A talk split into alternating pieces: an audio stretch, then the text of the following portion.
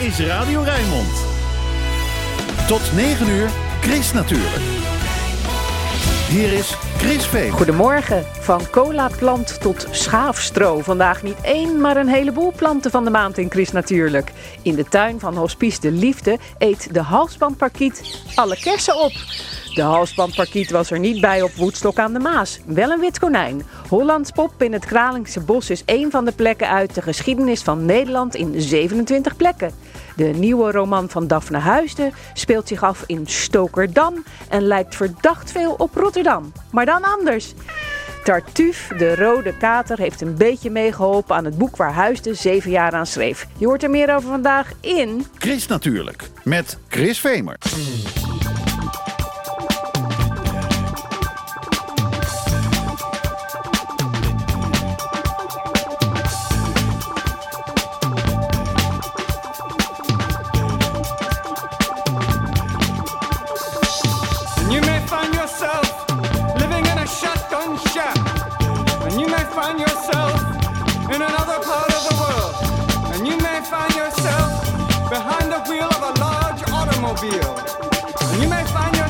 a beautiful house with a beautiful wife. And you may ask yourself,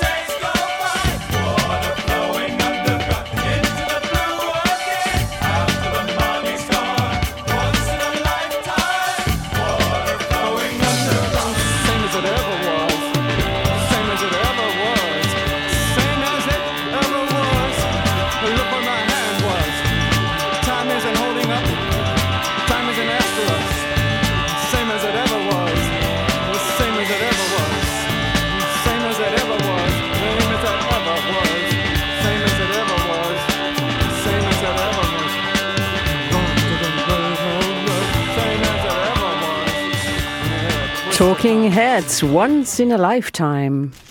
Chris natuurlijk. Lekker groen. Aan de zuidrand van Rotterdam staat De Kapel, een monumentale boerderij die nu dienst doet als hospice. Rondom ligt een tuin met boomgaard die onderhouden wordt door vrijwilligers.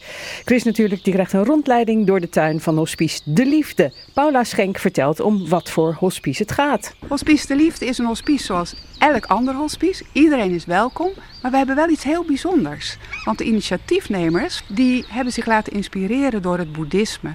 Weet je, ons motto is bijvoorbeeld ook samen leren loslaten. Je moet loslaten, want tegenstand, verzet, maakt het alleen maar moeilijker. En daar proberen we mensen mee te helpen.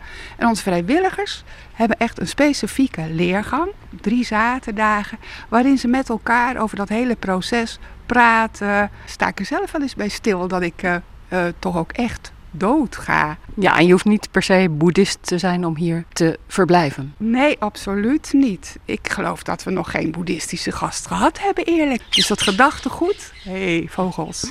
Ja, een uh, halsbandparkieten. Wat zag je dat zo snel? Nee, dat hoorde ik. Halsbandparkieten, oké. Uh, ik kan geen bruggetje meer maken nu. Maar wel een mooie plek. Die boerderij, dat is ook een rijksmonument. Zeker, en dat hebben we ook nog een beetje uit laten zoeken.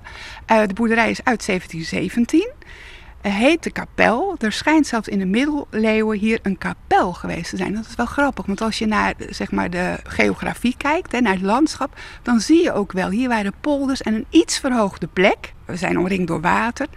Waarschijnlijk was dat prachtig. Van nou, daar zetten we een kapel neer, dat ziet iedereen. En daarna is het dus echt een, een boerderij geweest, lange tijd? Ja, zeker. Tot, uh, we hebben foto's gevonden in 1978. Waar werd er zeker nog, uh, hè, woonde hier volgens mij de familie Vermeer. Frank, vrijwilliger van de tuin. Is er nog wat te zien van dat het hier vroeger een boerderij was?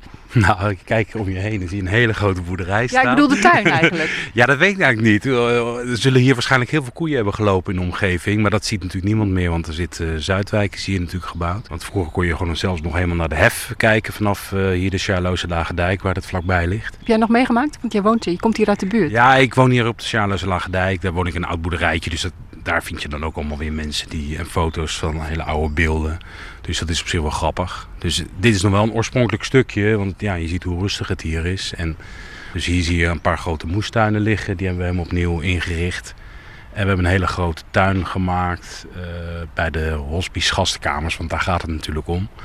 Dat de gasten natuurlijk een prachtig uh, verblijf hebben hier. En dat is ook mijn motivatie om hier als vrijwilliger te werken. Dat ik het leuk vind om in de tuin te werken, maar ook dat het mooi is om mensen een mooie plek te geven als ze uh, ja, toch aan de laatste tijd van hun leven bezig zijn. Ja, want jullie noemen dat gasten. Het zou ook patiënten kunnen zijn. Nee, ik denk dat geen patiënten zijn. Ze zijn wel. Nee, maar voor alle duidelijkheid dan. Ja, dan... Ja ons beleid is wel om ze gasten te noemen. En soms weten we ook natuurlijk hoe ze heten. En maak je ze een praatje. En je bent heel vaak in de tuin bezig met gasmaaien en, en onkruidwieden. Dat is het meeste werk wat je hier hebt. Ja, en dan maken we eens een praatje. Of mensen vragen, die zijn zelf boer geweest. Of hebben een tuintje gehad. En dan vinden ze het leuk om toch even te zien. Uh, doet ze waarschijnlijk aan vroeger denken. Dus uh, het is heel dankbaar om hier uh, voor die mensen te werken. En dat hoor je ook heel veel van mensen. Dat ze het fijn vinden om ja, lekker in het groen te zijn hier. En Ron, is er nog iets van de boeddhistische sfeer te merken in de tuin? Ja, dat denk ik wel. Even vanuit mezelf. Ik ben uh, sinds begin van het vorig jaar betrokken bij uh, dit uh, hospice. Omdat ik zelf ben aangesloten al twintig jaar bij een Zen-Boeddhistisch genootschap. En dus ook actief heeft meegedacht in dit. En wat je dus in de tuin in ieder geval wel ziet. Het boeddhisme gaat over het feit dat alles stroomt. Er blijft niks vast. Alles panterij is. Dat is dus alles, alles verandert. En dat zie je natuurlijk ook in de tuin uh, terug. Al was het alleen maar omdat, uh, kijk, het gras wat we maaien komt op de composthoop. En uiteindelijk komt het ook weer in de tuin terecht. En dat is natuurlijk gewoon een, een kringloop die wel heel duidelijk een, een, link heeft met het boeddhistische gedachtegoed. En misschien ook met respect voor de natuur, dus geen dieren doden bijvoorbeeld. Absoluut, daar proberen we ons uh, natuurlijk in, uh, in te spannen. Dus wij gebruiken geen chemicaliën, dat proberen we in ieder geval ver, ver te houden.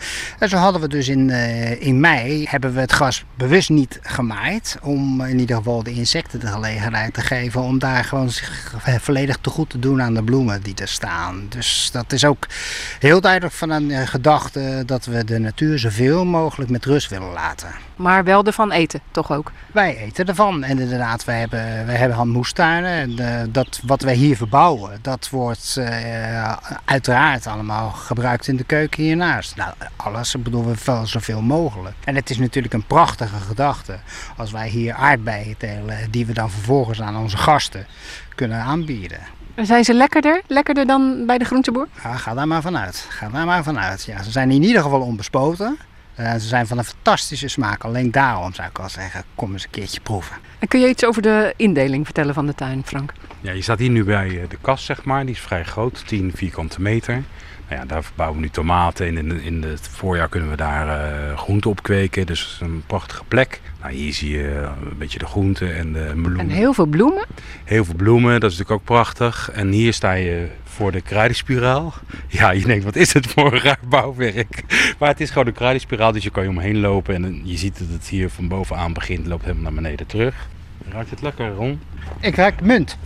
Dat, uh, daar kan, kan ik je dadelijk een kopje thee van aanbieden, als je wil onbespoten. Dat is heel hard lekker hoor, overigens munt. Dat is echt iets wat, uh, wat je een beetje uh, echt moet beperken, want anders dan woekert het door de hele tuin. Dat omschrijft ook gelijk ook wel de, zeg maar de, de, onze werkzaamheden. Onze werkzaamheden hier die zijn voor het grootste gedeelte worden ze dus bepaald door het onderhoud en constant onkruid trekken. En wat moet je ervoor kunnen dan om hier vrijwilliger te zijn in de tuin? Nou, je moet gewoon zin hebben om uh, met een leuk team van vrijwilligers samen te werken.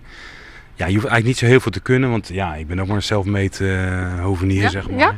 ja, ik heb gewoon een grote tuin thuis, maar die is gewoon klaar. Dus ik vind het lekker om dan uh, toch ergens mee bezig te zijn. Het gaat meer om, je moet gewoon lekker je handen uit je mouwen kunnen steken. Of je nou een uur hier werkt of uh, twee dagen. En heb je een favoriete plek hier? Ik vind de mooiste plek denk ik wel dat toch wel de tuin is waar de gastenkamers. En dan zie je eigenlijk de hele, de hele entourage. Dus we kunnen even heen ja? lopen. we hebben daar de knoflook staan. En natuurlijk dadelijk weer uh, de grote pompoenen, dus dat wordt weer een heel groot feest. Jullie hebben ook echt een boomgaard. Nou, er staan heel veel uh, kersenbomen. Alleen, je hoorde net die parkieten overvliegen. Ja, die vreten dat ding al leeg voordat die kersen uh, rood zijn. Dus. En we hebben veel dieren. Er loopt hier af en toe een haas rond te springen. En we hebben groene, groene specht, heb ik hier een paar keer gezien. En het is echt wel een oase hier. Kijk, daar zie je groene specht vliegen. Zag je hem? Ja. ja. Nou, dat is wel een uniek beest eigenlijk. Nee, het is echt een oase in, ja, in de stad. Zuidwijk is natuurlijk, uh, tuinstad noemen ze dat. Maar uh, ik, vind al, ik kom hier al tot rust. Ook al woon ik hier heel vlakbij. En je kan altijd lekker een beetje rommelen in de tuin. Of je gaat lekker even zitten en je zonde overdenken. Of Ron gaat lekker uh, boeddhistisch uh, gras maaien. boeddhistisch gras maaien. Frank die komt hier uh, voor zijn rust. En op het moment dat ik denk van nou, nou, dat is wel weer rustig genoeg geweest. Dan ga ik even herrie maken met die grasmaaien. Nee, dat is inderdaad wel, ik voel me echt bezwaard om die rust te verstoren met mijn grasmaaien. Maar ja, het moet wel hè, Frank, af en toe. Maar het schuldgevoel, dat lijkt mij helemaal niet boeddhistisch. Dat klopt. dat, daar heb je me helemaal gepakt. Dus ik moet het ook gewoon laten zijn. Hè. Dat is, het is, ja, ik laat het maar gaan. Dat klopt. Ja, hier zijn zeg maar, de kamers die uh, apart zijn gebouwd door Volkskracht, waar uh, het hospice van is, zeg maar, de, de eigenaar. Zes grote, uh, ruim opgezette kamers. Het is soms jammer dat de gasten niet altijd naar buiten kunnen. Hè. Sommigen zijn er ziek, voor, ziek genoeg voor om gewoon binnen te blijven, maar dan kunnen ze toch genieten van de tuin. En, uh, ja, en mensen vinden het toch leuk om uh, die tuin een beetje te bekijken. En dan herinneren ze dat soms aan het oude leven. Of ze zijn zelf, hebben ze een moestuin gehad of zijn een boer geweest. Maar het is ieder geval een inspiratiebron voor veel uh, mensen. Dus dat is hartstikke leuk om een bijdrage aan te leveren. De Groene Halsband Parkiet en Frank van Haren, een van de vrijwilligers in de tuin van Hospice De Liefde. Het hospice aan de Lange Horst in Rotterdam-Zuidwijk. Die kan vrijwilligers gebruiken in de tuin, dus lijkt het het je wat? Kijk op chrisnatuurlijk.nl voor een linkje met meer informatie.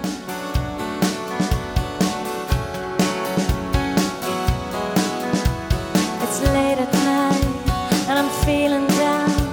There are couples standing on the street sharing summer kisses and silly sounds.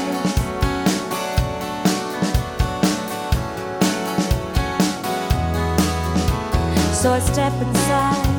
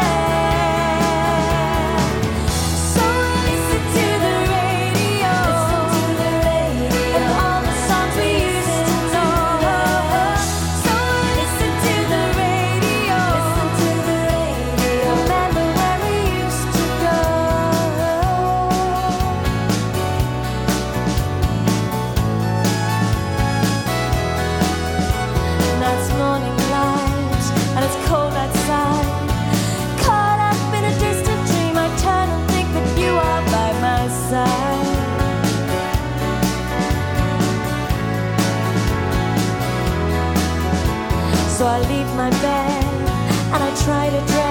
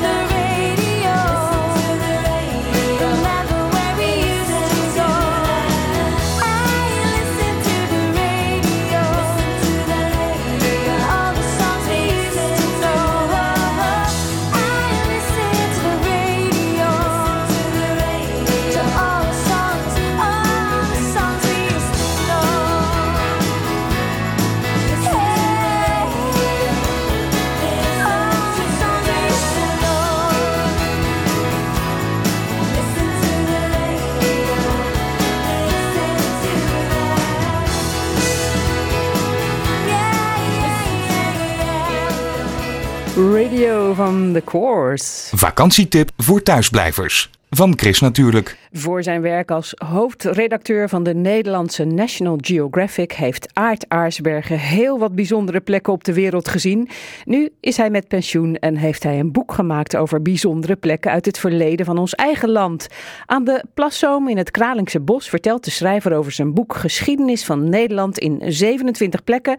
En als oudwoon inwoner van Rotterdam zet hij natuurlijk ook zijn eigen stad in het zonnetje. Ik heb geprobeerd in het boek om, om de verhalen te schrijven, de historische verhalen, maar ook gelardeerd met persoonlijke impressies. En ja, mijn jeugd. eh, ja, ik ben niet in Rotterdam geboren overigens, dat heb ik altijd jammer gevonden. maar mijn eh, lagere school en middelbare schooltijd heb ik hier gewoond. En eh, ja, daar, een aantal ervaringen heb ik in dit boek verwerkt. Het is dus een geschiedenisboek, maar het is zeker ook een vakantieboek. Je kan echt naar die plekken toe, want je geeft ook echt tips. Ja, dat was, dat was het idee erachter. Wat ik zelf altijd lastig vind als je reisgidsen hebt, daar heb je dan een verhaaltje. En dat is dan voornamelijk bestaat het uit jaartallen en, en namen. Wat ik geprobeerd heb is om die plekken wel echt in een serieuze context te plaatsen. En zo, het, zo de geschiedenis te vertellen. Je doet het in chronologische volgorde en dan begin je op nummer 1 bij het meisje van Ide. Klopt, ja. Het meisje van Ide, dat is eigenlijk een veenlijk, maar doordat ze daar gezichtsreconstructie van hebben gemaakt, is het een heel tastbaar meisje geworden. Maar dat meisje is ook helemaal niet zo prettig aan haar eind gekomen. Ja, nee, ze is, eh, ze is eh, vermoord, ze is, is geofferd eigenlijk. Eh, het, is, het speelt, ze weet niet precies wanneer het gedateerd, gedateerd is, maar het is rond, rond Iets van 2000 jaar geleden. En de Romeinen die waren aan het oprukken, die waren gedeelte van het land hadden ze al bezet. En daarboven in Drenthe had je dan andere mensen. En die begroeven hun doden, maar het was een moerassig gebied. Maar er werd, zijn heel veel veenlijken gevonden in de loop der tijd. En dat waren meestal eh, offers. eh, dat ze dus die, die mensen werden bewust doodgemaakt en in, die, in, die, in dat veenplas gegooid. En ja, en, en het veen dat, dat, dat conserveert een lichaam heel goed. En dan krijg je een soort mummie, een, een natuurlijke mummie. Ja, dus zo heb je een verhaal eh, van de geschiedenis van Nederland verteld. En dan ga je via de Romeinen en dan gaat het eh, de middeleeuwen. En in 27 plekken. Zijn er nou favoriete plekken bij? Ja, hoe dan? Dus, Ja, ja. Nou, eh, wat ik toch heel erg leuk vond is het Muiderslot. Heel simpel, omdat het, zeker als je kinderen hebt of kleinkinderen is het echt fantastisch. Want het is een, Het is een, een beetje een sprookjesslot, maar het is wel een, een echt slot. Van eh, Floris de Vijfde en zo en de ridders. Ja, ja, de ridders. En het is, ja, ik ben daar rondgeleid door iemand die er verstand van heeft. En die vertelt dan, dan hoe ze die gang hebben gemaakt. Dat je zo moest lopen bij een bestorming. Dat je je, je, je schild op een bepaalde manier moest houden. Zodat je kwetsbaar was. En het is opgebouwd in delen. Dus als een deel van het kasteel over wordt, kan je het andere afsluiten. Nou, als je dat allemaal weet, dan, dan, dan, dan is dat toch echt een hele leuke plek om naartoe te gaan. Ja. En dan hebben we ook bijvoorbeeld het grote kerkplein in Rotterdam. Ja, nou ja, dat was Erasmus natuurlijk. En Erasmus, ja, dat, eh, dat, dat, dat- het leuke vind Erasmus vind nou, ja, het is een interessante persoon. Is een, hè, want als je weet dat hij een bastard was en de hele wereld, naar heel Europa is overgereisd. En, en, en bijna alle, heel veel mensen van koninklijke bloeden kende en daarmee correspondeerde. Dat is al heel bijzonder. Wat ik er natuurlijk grappig aan vind, is dat hij, eh, nou, ik, ik heb ooit een grote Erasmus tentoonstelling in 69 gezien. Dat is heel lang geleden, maar het heeft toen heel veel in- indruk op mij gemaakt. En ik vind het altijd heel aardig dat Erasmus zo erg geclaimd wordt door Rotterdam. Want eh, je, je hoeft iets nieuws te vinden hier of het heet Erasmus. En eigenlijk heeft hij maar een paar jaar hier als klein kind, voordat hij naar school ging, gewoond. Dus, maar ja, hij heeft zichzelf Erasmus Rotterdam genoemd. Dus ja, ik begrijp dat ze het doen. Nou, het is een van de plekken uit eh, de geschiedenis eh, van Nederland in 27 plekken. En wij zijn hier in het Kralingse Bos. Dat staat ook in je boek. Ik heb natuurlijk ook eh, de moderne tijd behandeld, zoals het dan heet in geschiedenistermen. En ik vond Kralingen voor de jeugdcultuur en voor de jaren 60 wel, wel een, een, een soort voorbeeld. En ik heb, eh, het is ook voor mij een, een, eh, bijzondere gebeurtenis, omdat ik eh, er niet bij was, maar er wel vlakbij. Ik, ik had erbij kunnen zijn, ik woonde hier echt vlakbij en ik heb het gemist. En naarmate dit natuurlijk mythischer werd, is de, is, is de pijn van het feit dat ik er niet was, wordt eigenlijk nog steeds groter. Ik was 16 toen ik in die tijd en achteraf gingen heel veel van mijn klasgenoten waren geweest. Ik denk dat ik gewoon nog niet door had eh, wat het betekenis van dit, dit festival was. En later, eigenlijk door dat festival, ben ik me gaan interesseren voor, voor, voor popmuziek en voor, voor concerten. Dus het is eigenlijk, dit heeft me, het is wel de trigger geweest om daar interesse voor te hebben, maar ik was er nog net iets te jong voor of niet aan toe. Terwijl heel veel mensen van mijn klasgenoten, die, die, eh, dat hoorde ik dan later, die zijn er wel geweest. En je, je kon gewoon binnenlopen, dus ik had gewoon op mijn fietsje kunnen stappen en daar naartoe gaan.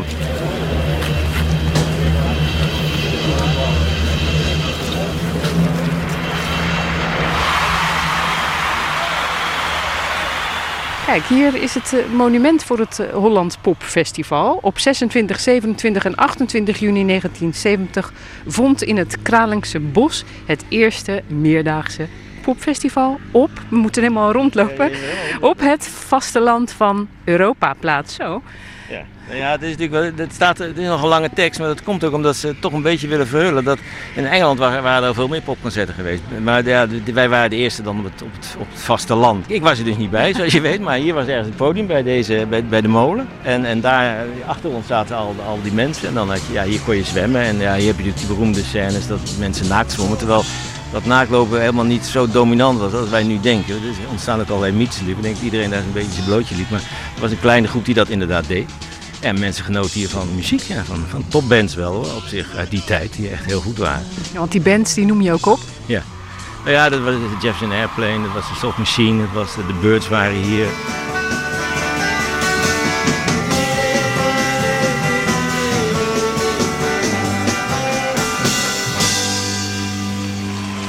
Kijk, hier zie je dan in een boom een, een, een foto van hoe het er vroeger uitzag. Ja, je ziet duizenden mensen die, eh, die, die gewoon ja, eh, ja, plezier hebben en, en, en eh, genoten van luieren, stilzitten, elkaar aardig vinden en muziek. Ja, het is, het is natuurlijk, als je met elkaar afspreekt dat je dit gaat doen, dan wordt het ook zo. Hè. Dat, dat, daarom is er geen agressie, niemand. Er werd wel, je kon niet drinken, was geen alcohol, dat scheelt misschien ook. Maar er werd wel, Wel eh, veel drugs waren er. ja, er werd wel veel gebloot, ja. Dus dat, eh, maar ja, daar word je over het algemeen iets rustiger van dan, eh, dan van alcohol, is mijn ervaring. Dus En dat staat ook in het boek, dat werd ook allemaal toegelaten. ja, dit zou dan het begin geweest zijn van, van het gedoogbeleid. Hè? Dat hier, er liepen agenten in- binnen het terrein, die moesten in, in, in een- hoe moesten dat? Popkleding. Dus die moesten, eh, een, eh, die moesten een spijkerbroek aan en een t-shirt. Dat waren ze natuurlijk niet gewend, agenten. En die liepen hier en die grepen niet in. Maar buiten het hek waar, was wel politie en die greep eventueel wel in. Dit was echt een soort markering van de tijd. Ja, om- ja, omdat het toch heel erg gaat over de jaren 60. En van het idee dat we een betere wereld gingen krijgen en dat we het allemaal anders gingen doen dan, eh, dan de mensen voor ons. En ik ben wel van die generatie en ik heb dat ook heel lang gedacht. En ik ben er niet achter gekomen dat het allemaal reuze tegenvallen is natuurlijk. Dat wij niet veel anders zijn dan mensen voor ons en waarschijnlijk ook niet dan andere mensen na ons. Maar dat had, het was wel een, een periode van hoop en dat, dat, dat vond ik, dat, dat Kralingen symboliseerde dat.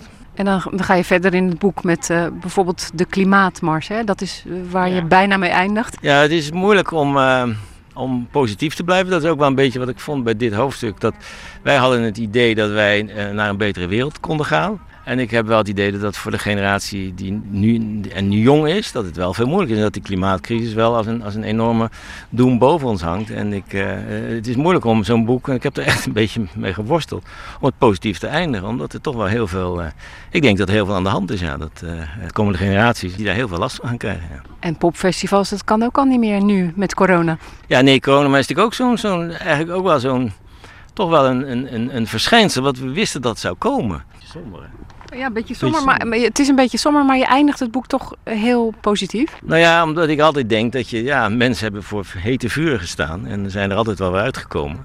Maar ja, wanneer is er toch misschien een eind aan? Dat, eh, dat zou kunnen. En dan kan je altijd nog hier in het Kralingse Bos een beetje mijmeren bij deze plek op nummer. Hoeveel, eh, hoeveel nummer staat hier in je boek?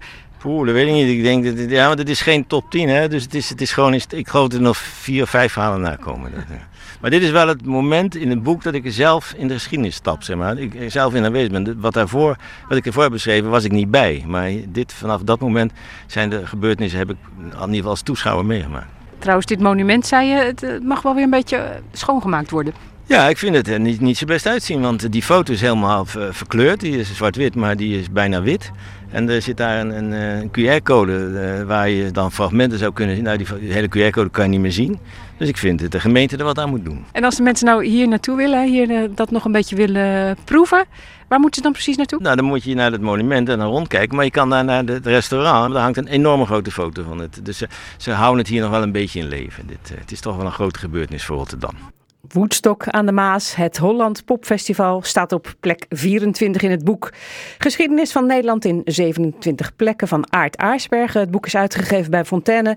Het kost in de boekhandel in de buurt 24,99 euro. En er is één luisteraar die het boek kan winnen. Bel 010 436 4436 en je maakt kans. Chris Natuurlijk. De weekendbijlage. Wat staat er in de weekendkranten over groen en natuur? Dat hoor je in het overzicht dat ik vandaag samenlees met Aries van Meteren. En Aries, goedemorgen, jij gaat beginnen. Ja, die vogel, dat plantje, die waren toch uitgestorven? Niet dus. In de Volkskrant een verhaal over dieren en planten waarvan we dachten dat ze waren uitgestorven, tot er ineens weer een exemplaar wordt gespot. Zo'n ontdekking kan van groot belang zijn voor natuurbeschermers, schrijft de krant.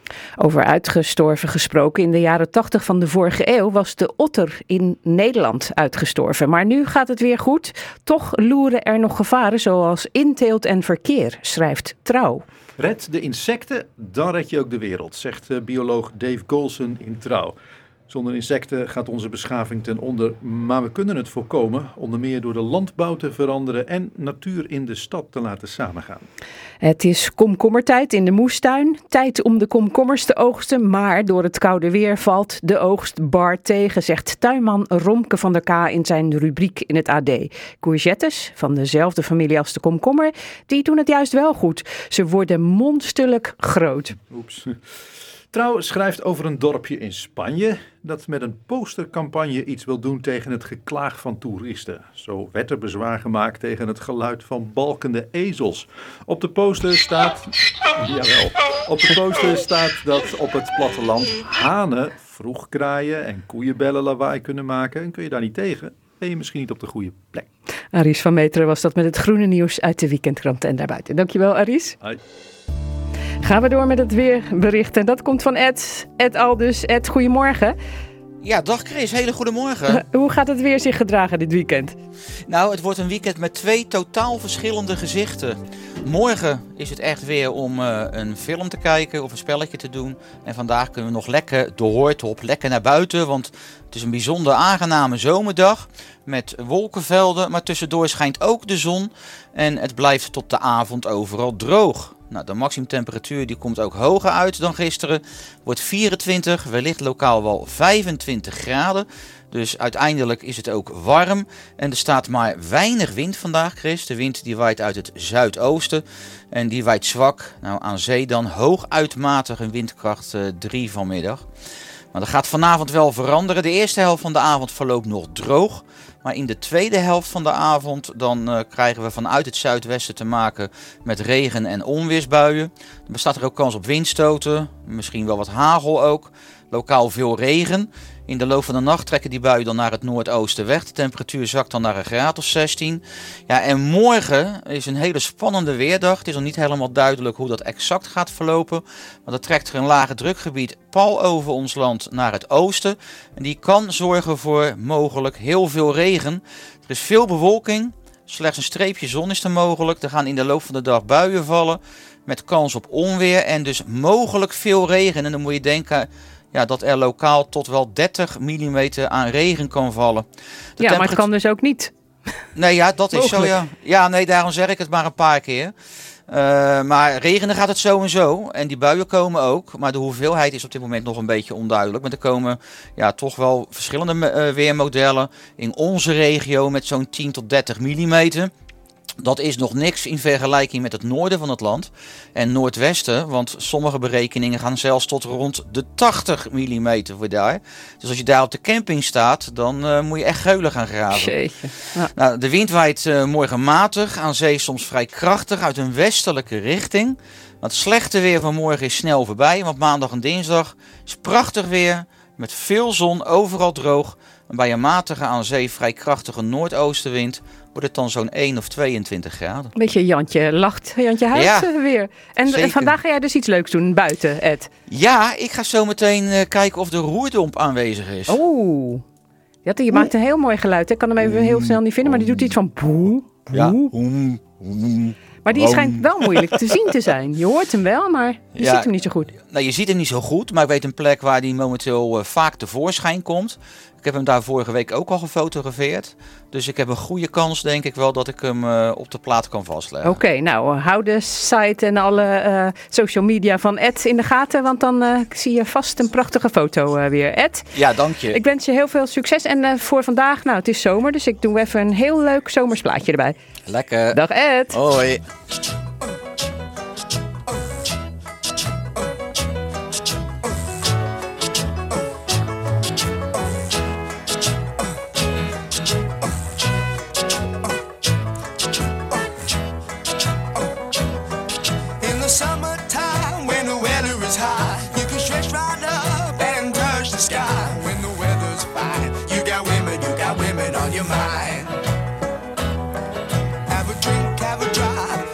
And see what you can find. If a daddy's rich, take her out for a meal. If a daddy's poor, just do what you feel. Speed along the lane, you can turn or a turn of 25. When the sun goes down, you can make it, make it good and live by. When I grab people, when I dirty, when I mean, we love everybody, but we do as we please. When the weather's fine, we go fishing or go sailing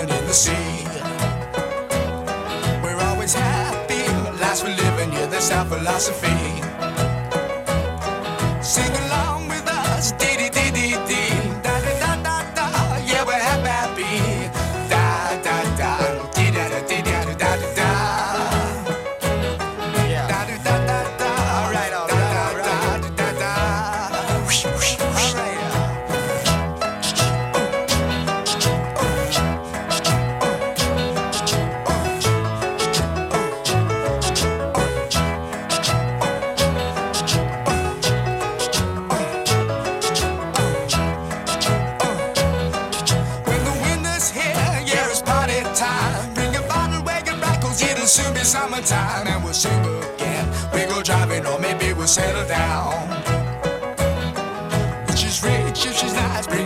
and we're loco in the town.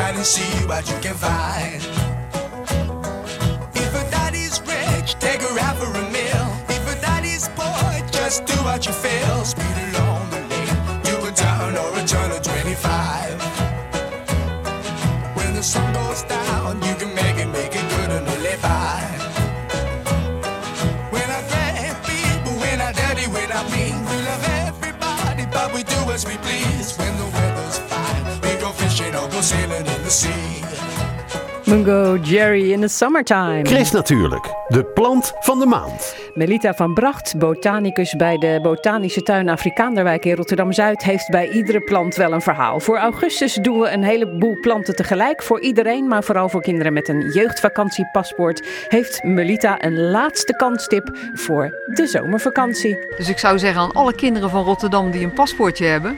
Dan moet je natuurlijk nog even, als je bij ons nog niet bent geweest, moet je nog even langskomen. Want dan krijg je ook hier een stempel in je paspoort. Ja, en wat kan je dan doen? Wat je dan kan doen, dan hebben wij, eh, wij noemen dat het beleefpad. Je krijgt dan een boekje van ons mee. En in dat boekje daar staan nummers en die corresponderen met de planten die in onze tuin staan. En dan kan je daar langslopen en dan kan je van alles en nog wat over die planten leren. Ja, en als je nou eh, denkt, ja, ik vind dat ook leuk en ik heb geen eh, vakantiepaspoort. Ben je alsnog welkom. Ja. Als je maar 50 cent meeneemt. Want dat kost dat boekje. Oké, nou en welke planten zijn dan eh, heel leuk, vooral in deze maand, in augustus? De citroenboom kunnen we even bij gaan kijken. Zullen we dat even gaan doen? Nou, daar staan we nu bij. En je ziet al, Chris, kijk maar eens. Hier zie je mooie groene vruchten hangen. En eh, die worden langzamerhand worden ze, worden ze geel. Als je eraan voelt, voel maar eens aan zo'n... eh, Fluweel zacht. Kijk, dat bedoel ik. Het is net een fluwelen jasje wat hij aan heeft. Hij heet Poncirus trifoliata. Nou, kijk maar eens naar het blad. Ja, drie. En wat er ook aan zit, kijk eens.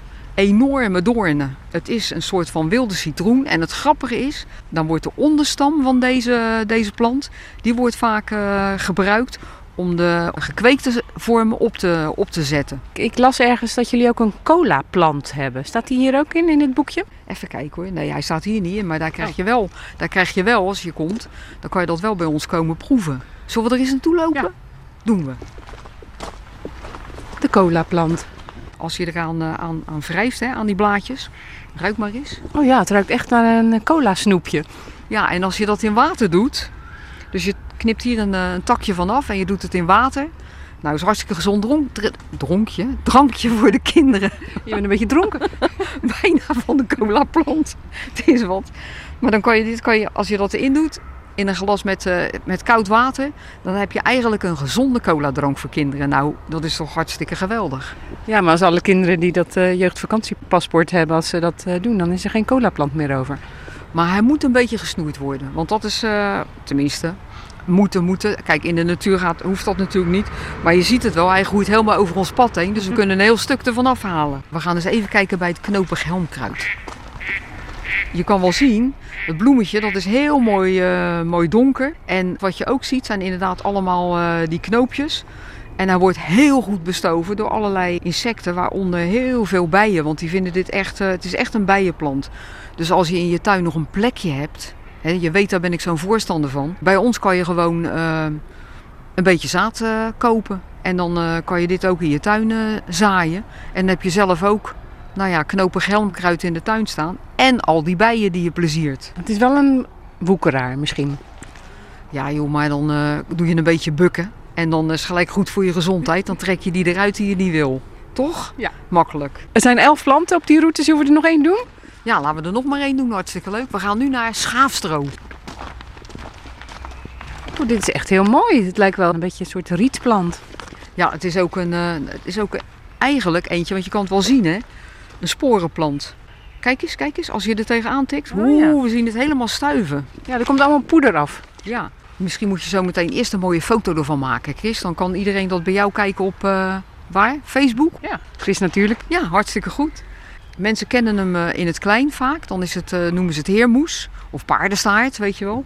Maar dit is echt een, een gigantische grote soort. En het grappige is, voel maar eens Chris, hij voelt heel ruw aan. En daarom heet hij schaafstro. En vroeger deden ze daarmee de pannen schoonmaken. Want toen hadden ze nog niet die ijzeren dingen. En dan werden de pannetjes ermee, eh, ermee geschraapt. Die kreeg je dan, eh, al je etensresten kwamen er dan uit. Je vieze brei van pap en eh, noem het maar op. Wij gaan een heel kort filmpje maken dan, dat dat poeder eraf gaat. En komen allemaal, toch? Ja, precies. Want nou ja, we hebben een paar gehad, maar er staan natuurlijk nog veel meer planten. En eh, ik zou zeggen, komen met z'n allen. En eh, heb je geen paspoort, ben je toch welkom. Gelukkig maar dat er ergens op de wereld nog plekken zijn waar je ook welkom bent zonder paspoort. In de Botanische Tuin Afrikaanderwijk op het Afrikaanderplein in Rotterdam. En heb je wel een jeugdvakantiepaspoort, dan kun je de belevenisroute volgende week nog met korting doen en krijg je een mooi stempel in je paspoort. En het filmpje van het schaafstro vind je op de Facebookpagina van Chris Natuurlijk. Thank you.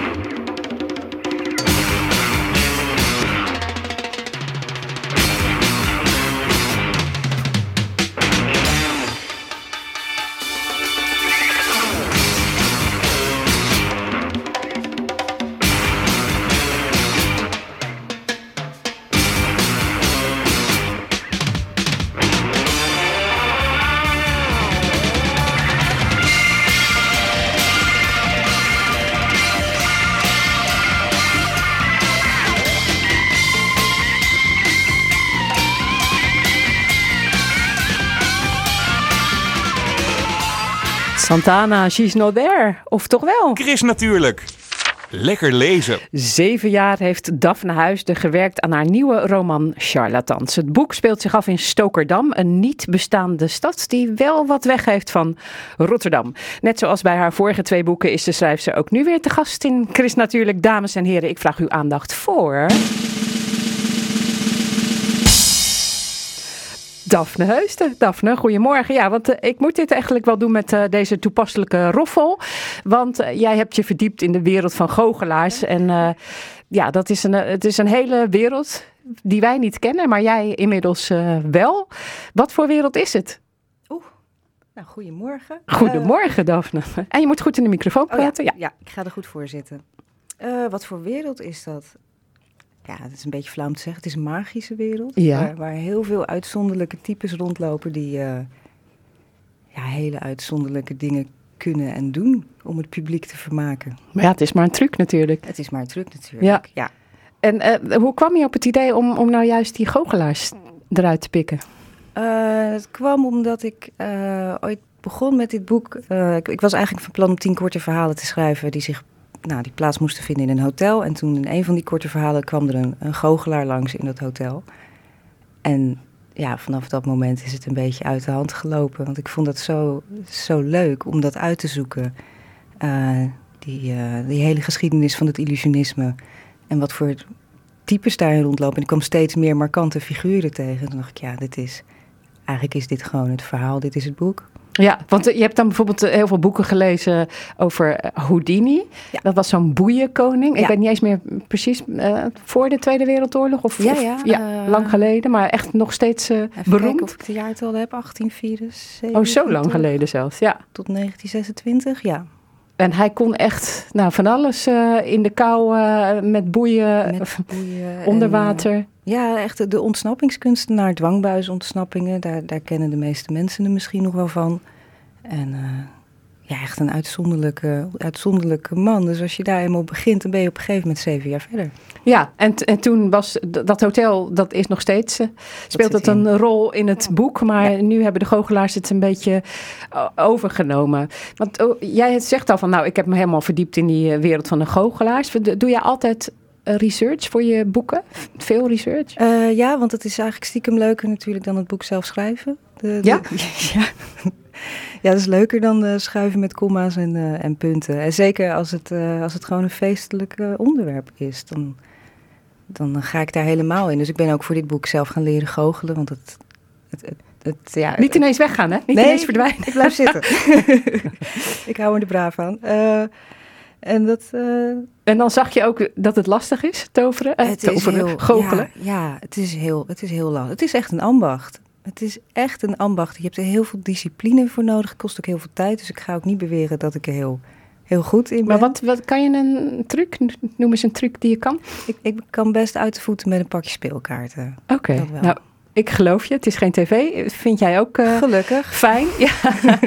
Eh, jij hebt je boek opgedragen aan, aan je kat. Nou, dat was niet zomaar een kat. Tartuffe. Ja, ja klopt. Eh, ja, het, kli- het klinkt, het klinkt misschien een beetje vreemd zo, inderdaad. Nee, Tortuf, dat was mijn, mijn rode kater en mijn, mijn rode maatje. En die, die heb ik 13 jaar gehad. En die, die zat bij alle boeken bij, elke dag, super trouw. We deden eigenlijk alles samen. Maar ja, als je schrijft, dan werk je natuurlijk veel thuis. En dat is voor zo'n kat eh, lekker. Ehm, nou, het afgelopen jaar natuurlijk extra veel thuis geweest. En hij, eh, hij was er altijd bij. Eh, en toen, een week nadat ik het boek af had, toen, toen overleed hij. En dat, nou ja, ik, ik was daar behoorlijk stuk van. Ik, heb best wel wat katten gehad en ik, nou ja, je weet hoe het is. Jij hebt best wel wat huisdieren gehad, maar af en toe zit er eentje tussen. Die is extra speciaal en dat was, dat was Tartuffe. En dan is het ook wel echt een beetje raar dat je en je boek afsluit en dat je kat is overleden. Ja, die timing was gewoon heel erg, eh, heel erg raar, heel erg dubbel. En toen, eh, nou, ik was er dus stuk van en toen zei een, een vriend van me van, ja, kan je, kan je dan niet nog iets doen? Kan je dat boek niet opdragen aan die kat? En toen dacht ik, ja, is dat niet, is dat niet gek? En dan dacht ik, ja, maar het is mijn boek, dus dat kan best. Ja, en zo blijft hij te- voortleven. Want iedereen vraagt natuurlijk aan jou van... eh, hè, Wie- wat, eh, wat is je hebt dat opgedragen aan Tartuffe. Ehm, lijkt Frits uit Charlatans een beetje op Tartuffe? Ja, dat is ook zo'n zo- zo'n kat die altijd in de weg zit. Eigenlijk, die er altijd bij ja, komt want die, die loopt dus een beetje rond in het boek. Eh, de hoofdpersoon eh, uit het boek is Nora. Zij wordt samen met een groepje andere vluchtelingen aan boord van een schip gehezen. Ze is ontsnapt uit Stokerdam. En die kapitein van het schip die denkt, ja hoezo, waarom zou je ontsnappen uit Stokerdam? Ja, zo begint het verhaal inderdaad. En waarom zou je ontsnappen uit Stokerdam? Want Stokerdam staat bekend als eh, een soort van utopisch oord... waar heel geliefd onder toeristen... want je kunt daar nog echt onbereikbaar zijn. Er is geen internet. En alle burgers leven met elkaar in harmonie, want ze hebben eh, allemaal een samenlevingscontract afgesloten met eh, de overheid. Dus voor de toeristen en voor de kapitein van het schip eh, ziet het eruit als, ja, als een ut- utopie. Dus waarom zou je Dat daar de mensen even tot rust komen zonder social media en zonder computers, zonder Ze willen scherm. Dan, Ja. dan gaan ze naar Stokerdam. Ja, maar goed, voor, voor de mensen zelf die daar wonen, is het, is het een ander soort maatschappij. Ja, voor, ja, voor de mensen zelf die er wonen ehm, is het benauwend. Want het is een. ehm, ja, het is dus zo'n contract. eh, maar wat staat er dan in, in dat contract? En, en de voorwaarden van het contract kunnen nog wel eens eh, gewijzigd worden. En dat, eh, dat zorgt voor wat druk en spanningen. Ja, en, en dan staat er bijvoorbeeld, ja, eh, wie niets te verbergen heeft, hoeft ook niets te vrezen. Dat, dat is wat we ook buiten Stokerdam wel eens eh, kennen als het gaat bijvoorbeeld over privacy. Ja, dat ja. mensen dat zeggen. Ja, dat soort one-liners kennen we heel goed. Ja, en, en eh, is dat voor jou dan een waarschuwing? Wilde je dit boek maken als een waarschuwing?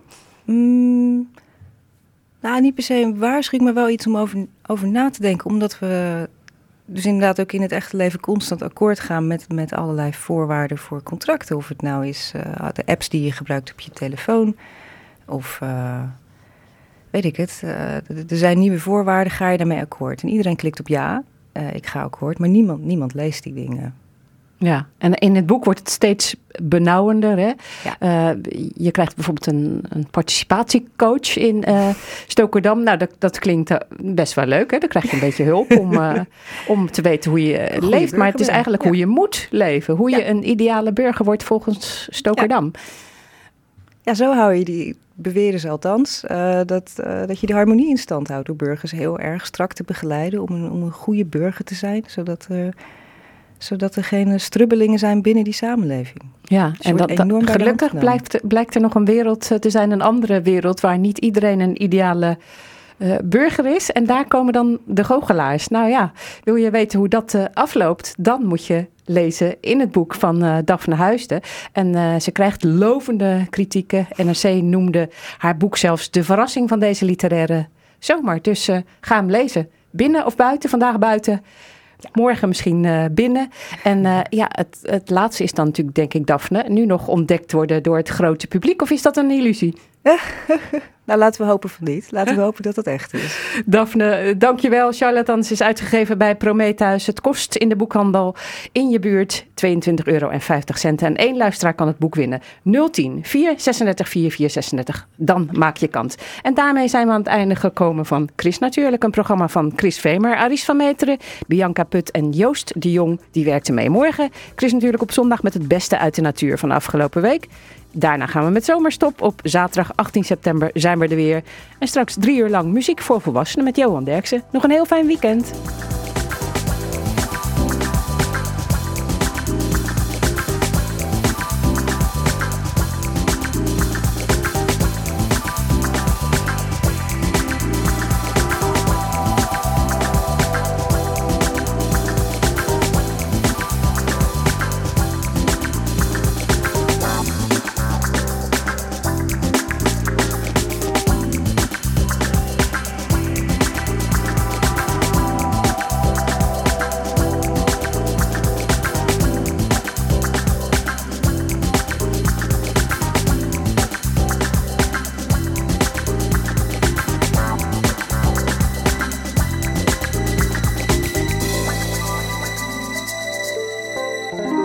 Natuurlijk. Kijk ook op chrisnatuurlijk.nl